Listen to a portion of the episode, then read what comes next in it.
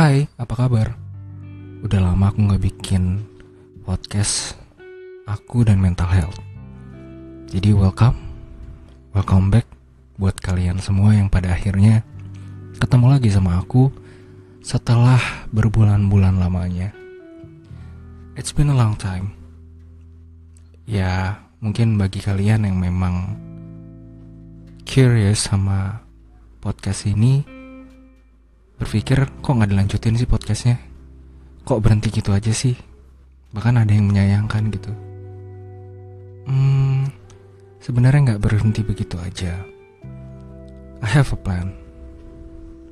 Dari berbulan-bulan yang lalu aku udah ngeplan untuk melanjutkan podcast ini tapi ya times change. Ada hal yang gak sesuai dengan rencana. Seperti um, ayahku yang pada akhirnya harus berpulang dan itu cukup menyisakan sedikit rasa pesimis, rasa keraguan-raguan untuk melanjutkan podcast ini. Sebenarnya tidak secara langsung mempengaruhi tapi cukup mempengaruhi mood untuk melanjutkan karena sebulan dua bulan itu aku vakum yang memang aku rencanakan dan untuk memulainya kembali itu sangat sulit. Ya itulah sekilas kenapa pada akhirnya aku harus vakum selama kurang lebih hmm, 8 bulan 9 bulan lah ya. But I'm glad to be here. Aku bangga bisa ketemu lagi sama kalian di podcast aku dan mental health. Aku anggap ini adalah season kedua karena memiliki jarak yang sangat jauh dari episode terakhir yaitu tentang resolusi. Aku inget banget. Aku buat konten resolusi itu di saat ayahku saat itu sedang dalam kondisi kritis. Jadi ya bagi kalian yang sadar, episode terakhir itu sangat berbeda dari episode-episode sebelumnya karena aku terlihat kurang semangat dan lebih serius. Oke, kita mulai di sesi dan episode yang baru dari Menghayati ini akan mengambil judul tentang jodoh.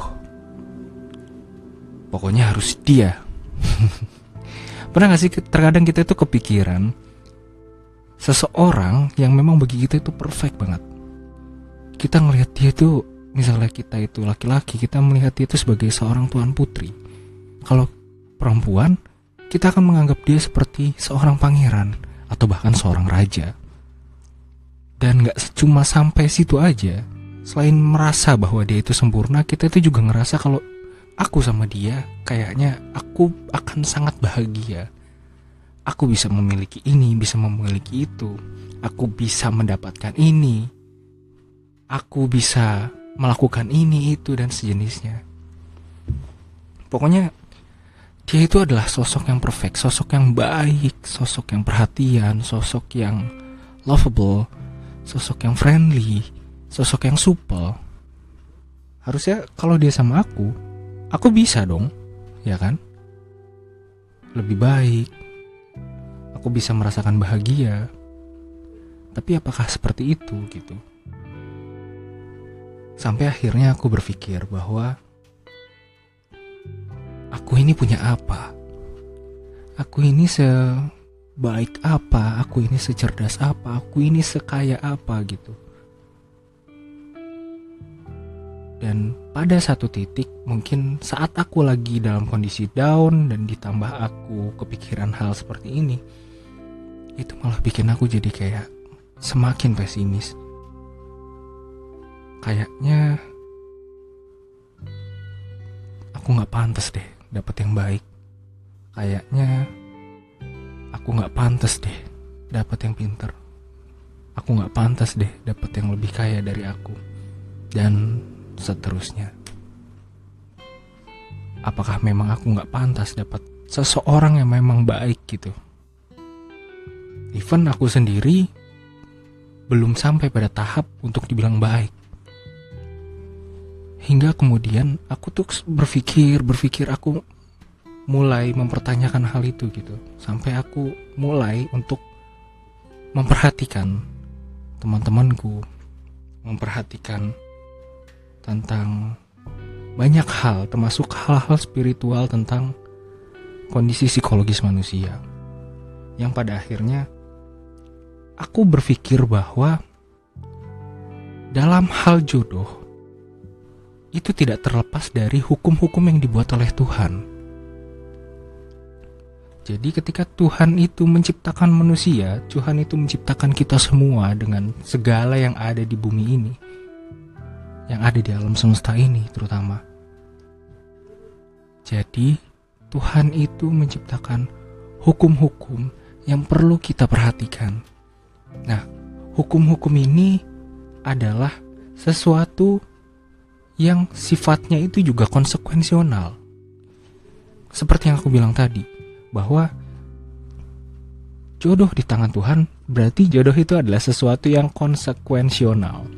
Begitupun juga banyak hal, seperti misalnya hukum gravitasi, ya kan? Kalau misalnya kita berjalan di sebuah jalanan yang rata, maka ya kita bisa akan berjalan seperti biasa. Tapi kalau kita mencoba berjalan di dinding, maka yang akan terjadi adalah kalau kita tidak memiliki pegangan, kita akan terjatuh.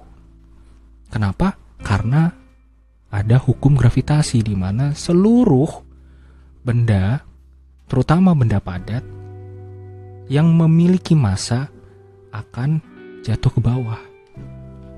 Hukum gravitasi ini adalah salah satu hukum yang ada di alam semesta dari sekian banyak hukum-hukum yang diciptakan oleh Tuhan.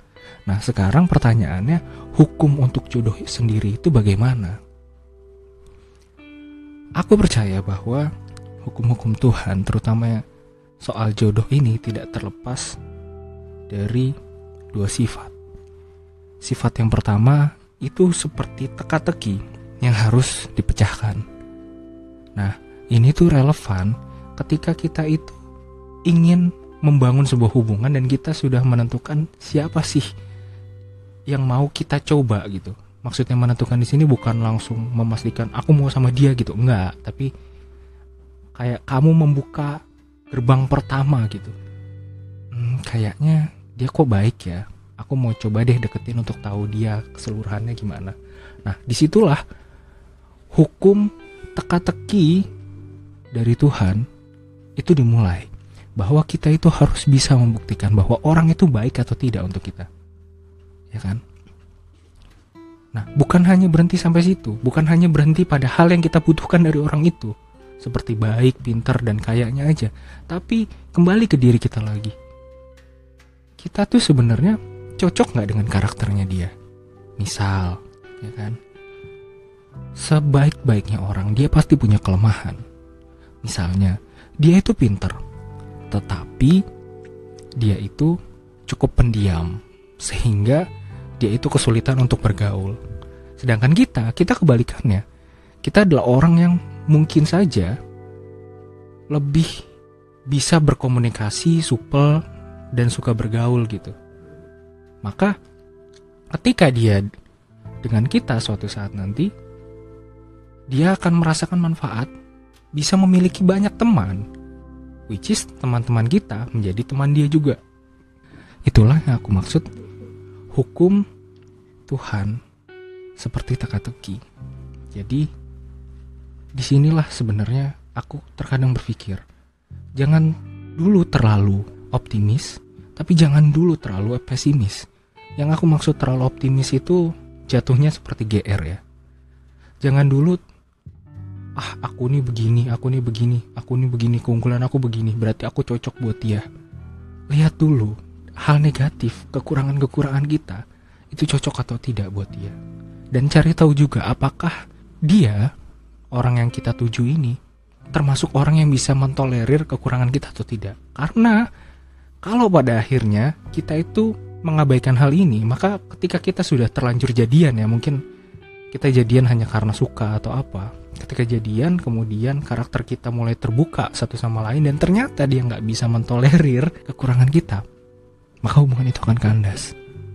Kalau belum cinta kalau udah terlanjur sayang gimana? Dan juga jangan terlalu pesimis. Jangan terlalu menganggap diri kita ini nggak pantas.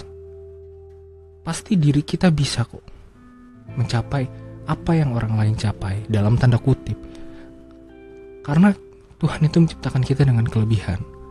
Tinggal kita sendiri yang harus mencari di mana sih kelebihan itu. Itulah kenapa secara tidak langsung perlu bagi kita untuk mencari circle orang-orang yang memiliki vibes yang positif. Sehingga lambat laun kita akan diarahkan, kita akan bahkan kita mengarahkan diri kita sendiri untuk mencari sebenarnya kelebihan kita ini apa. Karena sahabat atau circle yang memiliki positive vibes, mereka akan lebih melihat kelebihan kita. Keunggulan kita itu apa sih? Bisa jadi yang selama ini tertutup karena kita punya circle yang baik, circle yang positif, keunggulan kita bisa lebih menonjol. Jadi jangan terlalu pesimis. Itu adalah hukum Tuhan seperti teka-teki. Kemudian satu lagi adalah hukum Tuhan itu adalah sebab akibat. Apa yang dimaksud dengan hukum Tuhan itu sebab akibat? Terkadang kita itu dipusingkan dengan pertanyaan apakah uh, calon pasangan kita saat ini adalah jodoh kita. Terkadang mungkin kita ragu, terkadang mungkin kita bimbang karena perasaan itu tiba-tiba muncul. Dia untukku bukan sih? Sampai pada akhirnya kita itu lupa bahwa kita sedang berinteraksi dengan manusia. Calon pasangan kita itu manusia pastikan, bukan binatang, bukan tumbuhan, bukan alien bukan makhluk gaib juga. Sehingga ketika kita lupa, terkadang kita itu terlena akan banyak hal yang harusnya kita lakukan dalam interaksi kita dengan calon pasangan. Kita menjadi lebih cemburuan, kita menjadi lebih curigaan yang curiga itu kalau masih dalam pikiran oke okay lah. Tapi kalau sudah dikeluarkan dalam bentuk tuduhan, maka ini akan memancing perasaan kecurigaan juga dari si calon pasangan kita ini. Yang pada akhirnya membuat hubungan itu lambat laun menjadi tidak lagi saling ada kepercayaan. Ini cuma satu contoh dari sifat hukum Tuhan tentang jodoh yang seperti sebab akibat. Jadi, ingat kita berinteraksi pada manusia. Manusia yang punya perasaan manusia yang punya kebutuhan terhadap pasangannya. Mencintai itu bukan berarti kita itu nggak ingin apa-apa. Itu adalah jawaban yang salah. Kita mencintai seseorang berarti di alam bawah sadar kita kita membutuhkan orang tersebut. Itu adalah hukum cinta yang memang semua orang pasti mengalami hal itu. Even kita nggak bisa jelasin kenapa kamu cinta sama dia, tapi semua itu terjadi di alam bawah sadar.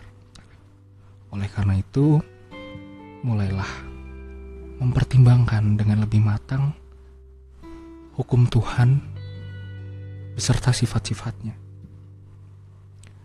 Jangan sampai jangan sampai ketika kita belum menemukan jawaban atas teka-teki dalam hukum Tuhan tentang jodoh khususnya, kita merasa bahwa kita tidak pantas dengan orang yang berada di dekat kita. Kita merasa orang tersebut tidak pantas mendapatkan orang seperti kita. Efeknya terlalu pesimis. Padahal bukan kita tidak bisa memecahkan hukum Tuhan. Bukan kita tidak bisa memecahkan apa yang dia butuhkan. Apa yang sebenarnya baik buat dia dari diri kita. Apa yang sebenarnya baik bagi kita di diri dia. Kita cuma belum menemukan, butuh usaha. Dan juga ketika kita memang sudah menjalin komunikasi yang intens, jangan juga kita lupa. Kita terhanyut dalam perasaan curiga, kita terhanyut dalam perasaan yang terlalu berlebihan. Yang terlalu misalnya terlalu cinta pada akhirnya menjadi mengekang maka akibatnya pasangan kita akan merasa terkekang, tidak merasa bebas. Pada level tertentu ya dia akan meninggalkan kita. Itu adalah hukum sebab akibat.